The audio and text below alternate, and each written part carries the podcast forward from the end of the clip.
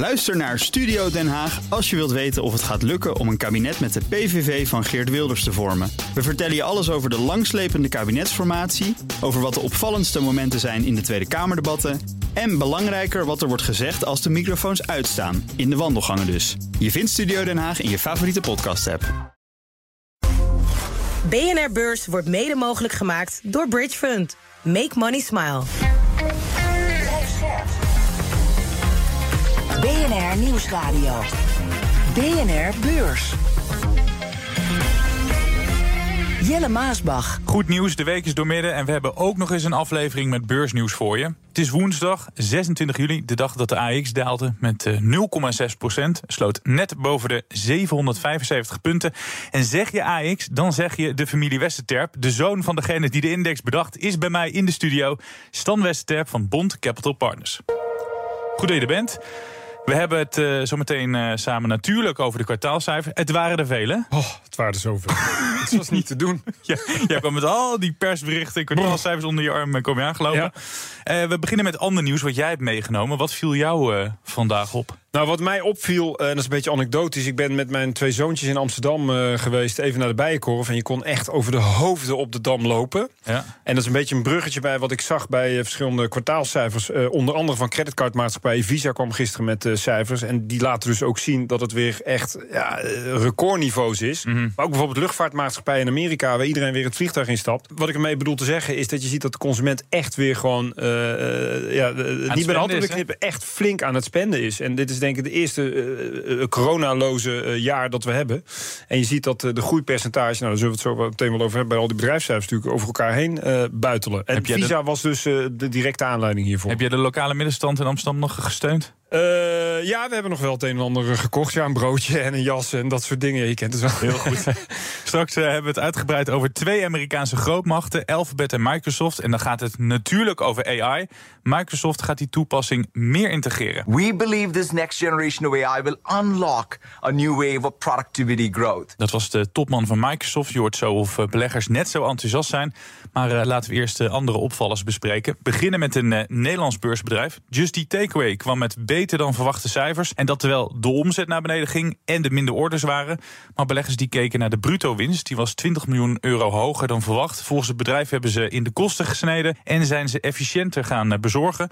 CEO Jitse Groen had wel een mindere boodschap. Het kwakkelende Grubhub raken ze nog niet kwijt. Hij zegt uh, de verslechterde marktomstandigheden in de techsector die spelen mee. Hij zegt ook dat investeerders de hand op de knip houden.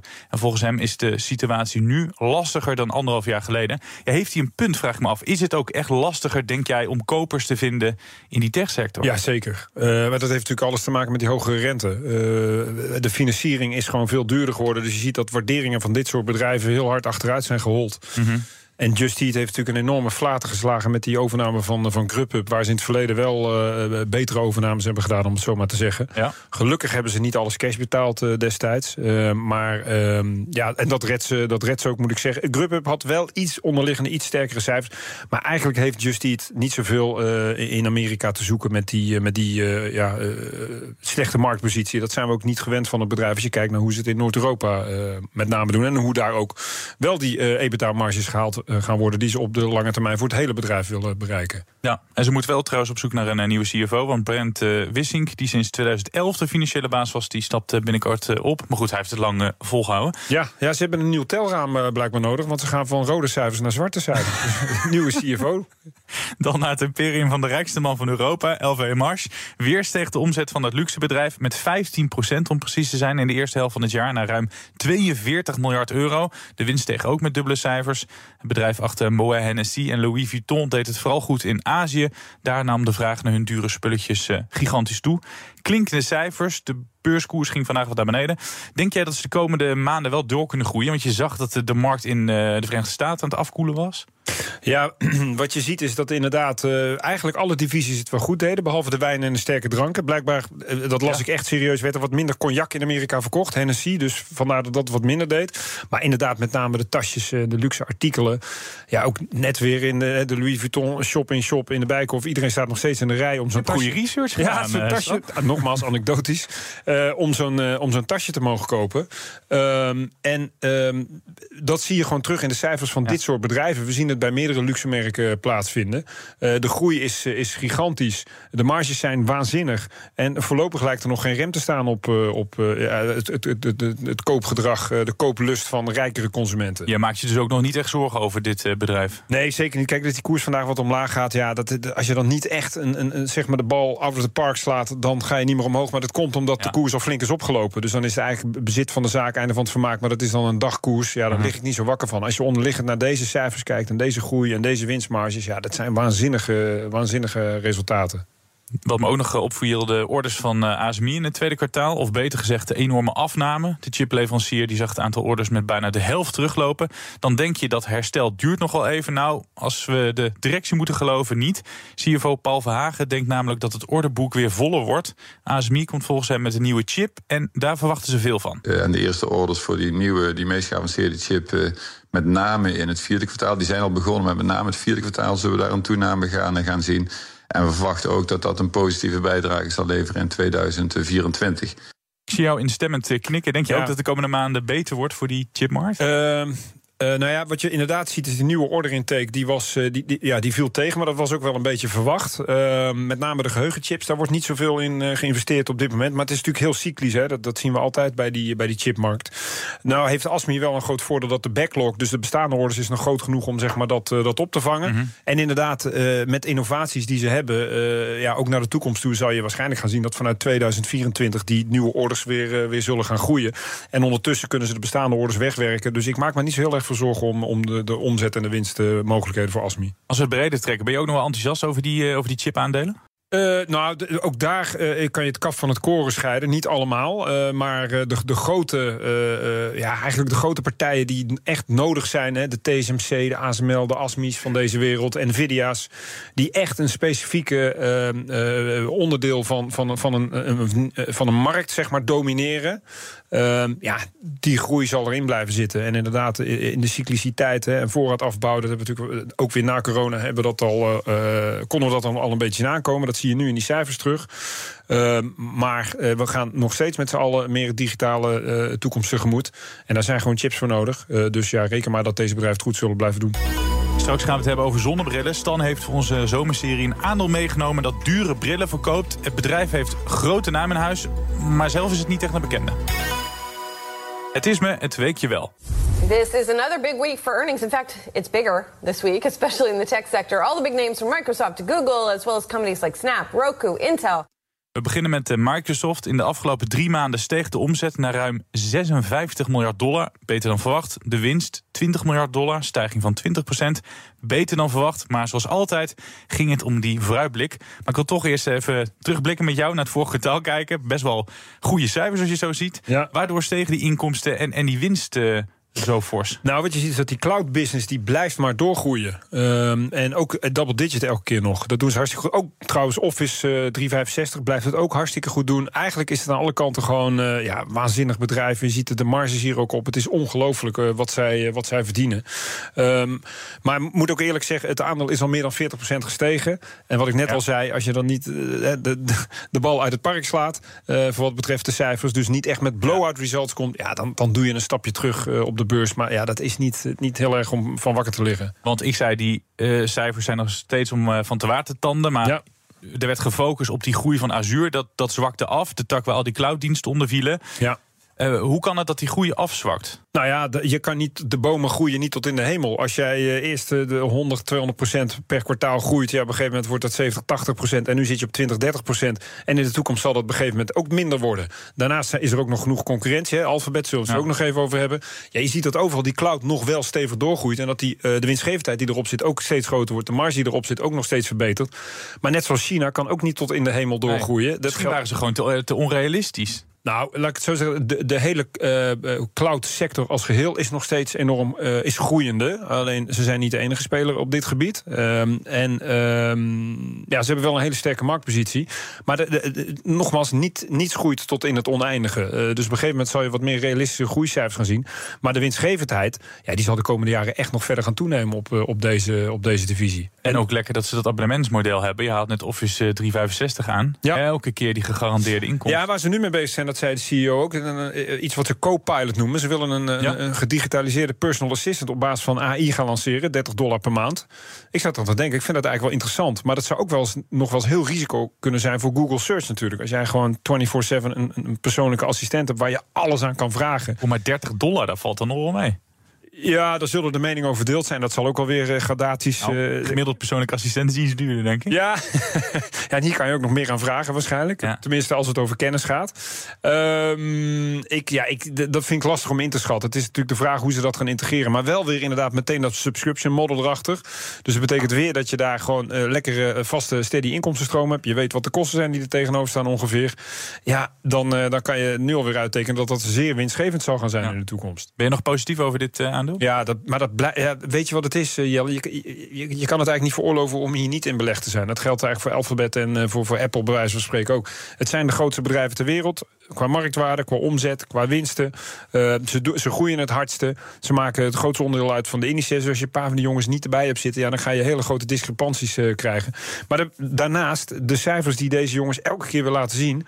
die nopen nou ook niet echt toe, of nodigen niet uit om nou eens even alles te gaan verkopen. Nee. Sterker nog, ja, blijf maar zitten. Zolang het zo hard door blijft groeien, eh, ja, zijn bereid om die waarderingen die ervoor op tafel eh, gelegd worden te blijven betalen. Nou, dan weet ik in ieder geval dat ik bij Alphabet niet hoef te vragen van... eh vind je het goed aandeel of niet, dat weet ik dan. Maar nog even de cijfers van het moederbedrijf van Google. Dat kwam dus met resultaten boven de verwachting van analisten. Omzet steeg naar zo'n 75 miljard dollar. De winst bijna 18,5 miljard. De cash cow is nog altijd zoekmachine Google. Want advertenties eh, die worden nog altijd goed verkocht. Ja, er wordt gevreesd eh, elke keer voor recessies dan. We kampen met die hoge inflatie. Maar die advertenties die worden gewoon als een dolle verkocht. Ja, wat Google zo knap doet, is dat ze ook kunnen schakelen naar andere sectoren op het moment dat het economisch wat minder gaat. En daar dan toch weer die groei uit kunnen halen. En ook hier weer, hoe meer eh, mensen eh, digitaal connected zijn, eh, hoe meer search er is bij Google. En hoe beter zij advertenties in de wereld kunnen verkopen. Ja. En dat blijft ook maar stijgen. En inderdaad, wat jij zei, dat was opvallend sterk. Beter dan verwacht. Ook hier de cloud business die, die, die, die meegroeit. Die nu naar winstgevendheid omslaat. Wat we natuurlijk op een gegeven moment wel, eh, wel hadden ingecalculeerd. Maar ook daar is nog een, een lange ja, runway eh, voor groei, zeg maar. Hè, wat we net al eerder zeiden bij Microsoft. Dus ook Google ja, is zo'n bedrijf dat, wat mij betreft, gewoon in een, in een stevige positie in een portefeuille eh, dient. En wat heel knap is, want ze zijn natuurlijk al jaren en dag heer en meester. Ze zijn de alleenheerser. Een beetje wat Nokia vroeger had op het ge- gebied Ja. van telefoons. Die is ten onder gegaan. Zij doen elke keer iets waardoor ze toch wel de allergrootste blijven. Ik had ook altijd gedacht dat de marktpositie van Google onbedreigd eh, was. Maar het, als je naar alle techbedrijven kijkt, dan hebben zij wel de laagste waardering. Ik wil niet zeggen dat spot goedkoop is, maar ze zitten onder 20 keer de winst. Ja. En normaal, eh, ja, voor een beetje techbedrijf betaal je zo 25, 30 keer de winst. Ehm, dus daar zit toch ook wel iets in waar beleggers denken: hmm, weet je dat AI, ze investeren daar zelf natuurlijk ook heel erg eh, hard in. Hoe groot is het risico dat ze daar een keer de, die, die enorme winstgevendheid die ze nu op search hebben, dat ze daar een veer moeten laten. Dat hebben we vroeger natuurlijk ook al gehad toen we allemaal op mobile search overgingen. Daarmee zijn zij Android gestart. Eh, dat kostte geld, maar daarmee garandeerden ze wel dat search ook op mobile eh, zeg maar doorging bij, eh, bij Google. Ja, dus ze worden wel één keer in de zoveel tijd bedreigd. En tot nu toe zien we dat absoluut nog niet terug in de cijfers. Nee. Maar met een beetje fantasie kan je wel voorstellen dat als je bijvoorbeeld zo'n personal assistant hebt, dat je toch Ja. minder Google Search eventueel gaat gebruiken. Wil ik nog een ander risico tegenaan houden? Bijna 80% van de omzet die komt uit die advertenties. Zijn ze daar niet veel te afhankelijk van? Nou ja, dat is dus die search inderdaad. En dat is de, de, ja, het advertentiemodel dat daaraan eh, gekoppeld is. Eh, tegelijkertijd zijn er ook nog heel veel mogelijkheden. Ik bedoel, er zijn ook genoeg sectoren waar ze zich nog, eh, nog rustig houden in die zin. Stel je voor dat ze een banklicentie beginnen en, en krediet en hypotheken gaan, gaan verkopen. Omdat ze zoveel data hebben van hun gebruikers. Ja. Of dat is ook de toerismebranche, de reiswereld, de retail, noem het allemaal maar op. Weet je. Dus het is aan de ene kant een bedreiging. Aan de andere kant zijn er ook nog genoeg sectoren. eh, waar eventueel eh, ja, nog, nog meer eh, de, de vleugels uit te spreiden zijn en nog meer winst te maken is. Het gaat ook altijd om op de kosten letten. Bij dit soort bedrijven ze hebben 12.000 collega's ontslagen. Is voor 2 miljard dollar aan ontslagvergoedingen uitbetaald. Zijn ze er beter voor, denk jij? Nou, die, die kosten zijn met name in het eerste kwartaal van dit jaar gevallen. Ja. Eh, vandaar dat je nu ook de winstgevendheid in het tweede kwartaal onder andere daardoor wat ziet toenemen. En ook Ja. de rest van het jaar hoeven we ons daar niet zoveel zorgen over te maken. Ehm, ja, kijk, heel eerlijk gezegd, eh, Microsoft had er ook natuurlijk een, een hoop ontslagen. Bij Amazon gingen er meteen eh, tienduizenden tegelijk uit. Maar ja, op, op personeelsbestanden van 2, 3, 400.000 mensen valt, Valt dit wel mee? Het klinkt ja, het veel, heel veel. maar Het is ook heel veel in absolute getallen. Maar procentueel ten opzichte van het totaal van het bedrijf valt het wel het is een beetje overtollig vet afsnijden. Ja. Ja. En je zei eerder al, dit zijn van die bedrijven die je uh, niet uh, moet verkopen. Dat geldt dus ook uh, bij Alphabet. Alleen er zijn toch nog wel wat risicootjes. Kijk, en enerzijds, als je fundamenteel kijkt naar deze bedrijfscijfers, ook door corona heen, ook door de verschillende crisis, recessies, noem het allemaal op heen, ja, dan zie je gewoon een patroon van dit zijn de, de winnaars van de wereld, zeg maar. Mm -hmm. Uh, waar vaak de koersdruk vandaan komt, is als er externe macro-economische factoren zijn die, uh, die druk. Vorig jaar was het natuurlijk duidelijk de rente die opliep. Maar goed, daar kunnen Google en Microsoft niet zoveel aan doen. Um, uh, anders dan dat de waardering voor techbedrijven daarmee omlaag is gaan. Maar je ziet het dit jaar, wordt die, dat verlies van vorig jaar... wordt dit jaar eigenlijk weer volledig goed gemaakt. Ze staan gewoon weer op, op oude niveaus. Dat geldt bijvoorbeeld ook voor Meta. En dat geldt ook voor, voor, voor een Apple dat op recordniveaus weer staat. Terwijl de rente wel drie, vier keer hoger staat dan een jaar geleden. BNR Beurs. Wall Street dan, de Dow Jones staat uh, net in de plus, tiende van de procent. Maar de S&P 500 verliest twee tiende van een procent. En de Nasdaq een half procent. Je had het net over de rente. Laten we even iets anders bespreken dan kwartaalcijfers. nee toch? Dat heb ik niet voorbereid. De vet. ja, kwartje erbij. Ja. Uh, alleen de vraag is natuurlijk, wat gaat er hierna gebeuren? Ze hebben juni even op de op pauzeknopje gedrukt. Uh, we gaan er nu vanuit dat er een kwartje bij komt. Mm -hmm. En de grote vraag is, is was dit het? Um, en als we kijken naar de data die we zien uh, de laatste tijd, met name inflatiedata of werkgelegenheidsdata, dan zien we inderdaad dat het zomaar zou kunnen zijn dat uh, de daling in ieder geval uh, goed is ingezet. Um, en dat het dus niet zo'n noodzaak meer is voor de Fed om, om uh, de rente verder te verhogen. Maar dat zal je van de Fed zelf nooit horen. Uh, en dan is het dus aan de markt uh, om, om daar een inschatting van te maken. En als je dan bijvoorbeeld even op FedWatch kijkt, dan zie je toch dat de meeste partijen ervan uitgaan dat naar het einde van dit jaar toe ongeveer op dezelfde rente zullen staan zoals nu. Dat is wat de goede gemeente vindt. Tuurlijk zijn er outliers. Um, en ik denk dat dat heel uh, realistisch is, want je ziet inderdaad inflatiedata uh, vers, vers, verzwakken zeg maar, in Amerika. Nog niet op het niveau waar het zou moeten zijn, of waar de, waar de centrale bank wil dat het staat. Uh, maar die kans, laten we het zo zeggen, de meeste renteverhogingen liggen echt, echt achter ons. Um, en de kans dat we niet meer gaan verhogen, zeker in Amerika, is, is, is echt heel erg groot. Ja. Dan toch uh, kwartaalcijfers, sorry. Ik wil het nog hebben over Snap, moederbedrijf van Snapchat. Ja. Gaat op dit moment 19% naar beneden. Ja. Bedrijf dat het al langer moeilijk heeft, verliest de strijd met uh, concurrenten als Instagram. Zag de omzet nu ook weer dalen. Niet echt enthousiast over de komende maanden. Nee. En de volgende analist die verwoordt het uh, bij de vrienden van CNBC mooi. If you looked up disaster in the dictionary, you'd see Snap's ticker. Because ultimately they continue to lose market share in digital advertising. Als je ramp opzoekt in het woordenboek, mooi, vind je Snap.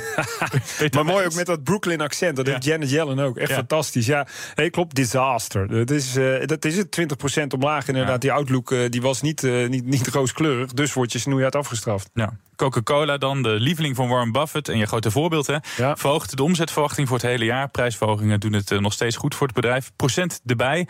Nou, die cijfers zagen er weer.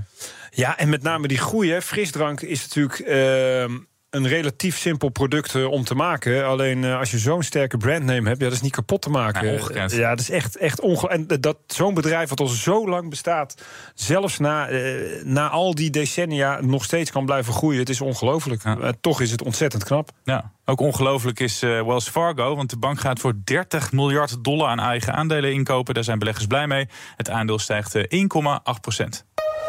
BNR Beurs. Nog veel donkere wolken, ook al is het uh, juli. Maar goed nieuws, je kan weer dromen over de zomer. Als je dit geluid hoort, dan weet je dat we het gaan hebben over onze zomerserie. Analisten die nemen elke keer een aandeel mee. Eentje dat je nog niet zo goed kent, maar waar je wel veel van kan leren... of misschien zelfs geld aan kan verdienen. Ja, welke Jij hebt een bril. Ik, ik heb, een, uh, ik heb een zonnebril in mijn handen van uh, Ray-Ban. Ja. Volgens mij heb ik hier uh, 130 euro of zo voor betaald. Ik denk dat die dingen gemaakt worden voor een euro of 4, 5. Geen idee. Lekkere marge. Het bedrijf hierachter, voor de mensen die het niet kennen, is Essilor Luxottica. Mm -hmm. Een Frans-Italiaans bedrijf. En bekend dus van merken als Ray-Ban, van Oakley. Nou ja, goed, heel veel bekende brillenmerken eigenlijk. Ja. en er zitten gigantische marges op deze, op deze zonnebrillen. In Nederland kent men het van het feit dat ze Grand Vision hebben gekocht. Hè. De, de, de eigenaar oh ja. van uh, Pearl, Pearl en, ja. en, en de iWish opticians. Een aantal jaar geleden van de Hal. Ja. Ehm, en uh, de, het Italiaanse deel, Luxottica, is eigenlijk verantwoordelijk voor de zonnebrillen, Ray-Bans. En Essilor is meer de, de club, de Franse club. Eigenlijk Frans-Italiaanse voelt dan niet helemaal prettig voor een belegger, maar dit is wel echt een prachtig bedrijf. Ehm, dat is de, zeg maar de grootste lenzenfabrikant ter wereld. Dus het is aan de ene kant een, een luxe product. Mhm. Aan de andere kant is het een product dat ook op zorg inspeelt. En heel erg demografisch gebied. Of uh, demografisch natuurlijk meedoet. Uh, vergrijzing, grotere wereldbevolking. Um, dus ja, echt een, een prachtig bedrijf wat dit betreft. En je ziet ook dat hier de groei al jarenlang gewoon uh, navenant is. We kwamen ook vandaag met cijfers. Ook hier weer ja, echt gewoon gezonde groei. Uh, en ja, als je ziet de marges die op die zonnebrillen worden gemaakt, die zijn ongelooflijk sterk. Die zijn zelfs zo hoog dat ze in Amerika nu een aanklacht hebben lopen dat er ongeoorloofde prijsafspraken Oh, zijn gemaakt ja, met concurrenten. En daar reageerde de koers eigenlijk gek genoeg niet op. Wij, we Wat laten zegt dat dan? Nou, dat blijkbaar uh, de markt dat niet als heel groot risico uh, nog inschat. Maar we hebben wel vaker gezien dat waar, een rechtszaak in Amerika toe kan leiden voor een bedrijf. Dus wij, toen Mhm. we dit bericht dit weekend laatst zag, oh jee, dan gaat maandag die koers omlaag. Wij zitten hier op de aas omdat we, we hebben er vroeger in gezeten. En willen eigenlijk wel weer terug erin. Maar dan zouden we wel ja, willen zien dat het bedrijf of de koers in ieder geval een stapje terug doet. Ja, daar reageerde de, de markt eigenlijk heel lauw op. Uh, alsof het normaal is. Aan de andere kant is het natuurlijk ook goed nieuws. Want er wordt inderdaad bevestigd dat die brillen veel te duur zijn. Maar dat, dat de consument het wel gewoon pruimt. Als je er een uh, merkje op zet, dan betaalt men uh, blijkbaar 100, 200, 300 procent meer. Maar wel mooi dat jullie als vermogensbeheerder dus eigenlijk een soort van instapmoment zoeken. Maar dat dat even niet komt. Omdat, ja, soms, kijk, je hebt, je hebt af en toe. We hebben het over zoveel sterke bedrijven gehad: Alphabet, Microsoft, Louis Vuitton. nou, nu Essilor, Luxottica. Echt prachtige bedrijven. Ieder kwartaalcijfer weer laten zien, uh, of kwartaalseizoen laten zien dat ze prachtige cijfers kunnen overhandigen. Maar soms is er een externe factor die ineens roet in het eten gooit en dan gaat die koers omlaag. En dat is wel het moment dat als je het op de longlist hebt staan, om serieus naar zo'n bedrijf te kijken als je het wil, wil toevoegen. Um, maar ja, we moeten nog even wat langer wachten. Wat is het bedrijf waard? bijna 80 miljard euro. Zo. Ja, ja het is een, echt een grote speler dit. Ja. En het is dus echt een, een, een stabiel aandeel? Uh, ja, absoluut. Ja, het, het aandeel is ook uh, tijdens corona, dat is wel grappig, hè, dan zie je dat er toch weer meer die value-component uh, terugkomt. Uh, van de lenzen, zeg maar. Ze willen overigens ook gehoorapparaten, et cetera, gaan maken. Ehm, maar waar alle tech-jongens in elkaar donderden vanwege met name die hogere rente vorig jaar, bleef dit aandeel eigenlijk redelijk stabiel liggen. En is eigenlijk gewoon aardig doorgegroeid weer in die tijd. En ja, zonnebril koop je misschien niet als je niet op vakantie gaat. Maar nu wordt het wel weer natuurlijk enorm veel verkocht. Maar je lenzen, ja, die zul je toch moeten vervangen. Of je nou thuis binnen zit door corona of niet. Dus ja, er zit, een, er zit een, ook een hele stabiele factor in het, in ja. het bedrijf. En ze hebben niet echt concurrentie. Jawel, er zijn natuurlijk altijd concurrenten. Alleen. Nou ja, je ziet net als bij een, een, Louis Vuitton dat er gewoon een aantal hele grote spelers zijn op dit gebied. Die zoveel uh, distributie, marketing, productiekracht hebben.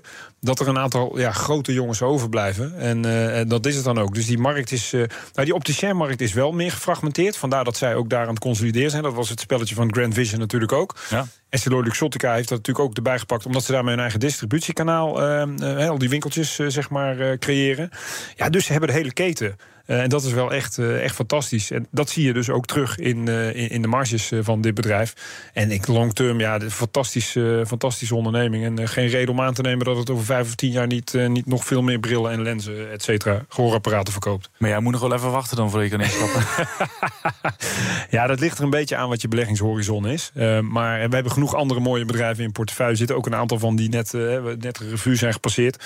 Um, deze wachten we nog even op. We zijn er bijna, maar eerst even een blik op de beursdag van morgen. Uiteraard weer nieuwe kwartaalcijfers en een nieuw rentebesluit. Je hoort collega Danielle Kastemans. Na de Fed is het de beurt aan de Europese Centrale Bank. Op deze dag zal de ECB het rentetarief in de eurozone vrijwel zeker met een kwartje verhogen. Maar hierna geniet ook de ECB even van zomervakantie. Of de rentes in september weer verder zullen worden opgeschroefd, is nog onzeker. Nestlé komt deze dag met de halfjaarcijfers. De concurrent van Unilever slaagt er in het eerste kwartaal ook in om meer te verkopen tegen hogere prijzen. Al had het bedrijf ook te maken met opgelopen kosten. Ook Shell opent de boeken. En dan gaan beleggers zien wat de nieuwe koers van het bedrijf betekent. Shell schrapt namelijk het plan om minder olie op te pompen en zet juist vol in op olie en gas. Tot slot komen er nog cijfers binnen en dan uit alle windstreken. Verwacht cijfers van onder meer Arcadis, Fugro, Volkswagen, McDonald's en Renault. Na beurs nog veel cijfers, morgen dus ook. Is er iets waar jouw hart sneller van gaat kloppen? Of zeg je, ik wil nou even geen cijfers meer? Oeh, nou, van ik, die ik net hoorde vind ik Volkswagen Ja, heel interessant. Daar zitten Ja. we zelf in. Eh, ook, ook in relatie tot Tesla. Hè, die natuurlijk eerder eh, met cijfers zijn gekomen. Tesla gaf ze wel even een lesje van, eh, van marges en... Ja, ja, en flinke groei van autoverkopen. Maar Precies. goed, eh, Volkswagen is natuurlijk een slag groter qua het aantal auto's dat ze verkopen. Alleen qua waardering is het de, hele autosector pas qua waardering in Tesla. ja, Qua marktwaarde. Dat is echt bizar. Maar die groeien ook niet met, wat is het, 40, 50 procent per kwartaal. Nee. Dus vandaar dat ik dat interessant vind. Maar ik vind wel dat een Volkswagen op 4, 5 keer de winst is wel heel mager. Zuinig, hè? Is heel zuinig. En eh daar komt nog bij de support stuk voor een deel naar de beurs hebben gebracht. Wat wat hogere waarderingen heeft. Dus Ja. ik vind het waarderingstechnisch een enorm interessant be- bedrijf. Maar ze hebben natuurlijk wel een legacy van die internal combustion engine. Om dat helemaal naar elektrisch... Dat begrijp ik allemaal. Ehm, maar ik denk wel, ja, het zijn Duitse autobouwers. Dus uh, Groentlieg, degelijk. Ehm, Ik denk wel dat dat bedrijf ook niet morgen weg is. En ja, ik vind het interessant om te kijken hoe die cijfers zich ontwikkelen. Stan Westerterp van Bond Capital Partners, dankjewel dat je hier was. Je kan je zonnebril eh, weer opzetten. Dan gaan wij naar huis. Eh, jij bedankt voor het luisteren en eh, heel graag tot morgen. BNR Beurs wordt mede mogelijk gemaakt door Bridge Fund. Make money smile. Ook Harm Edens vind je in de BNR-app. Je kunt BNR Duurzaam niet alleen live luisteren in de app, maar ook terugluisteren als podcast, zoals al onze podcasts. En naast dat de BNR-app Breaking News meldt, houden we je ook op de hoogte van het laatste zakelijke nieuws. Download nu de gratis BNR-app en blijf scherp.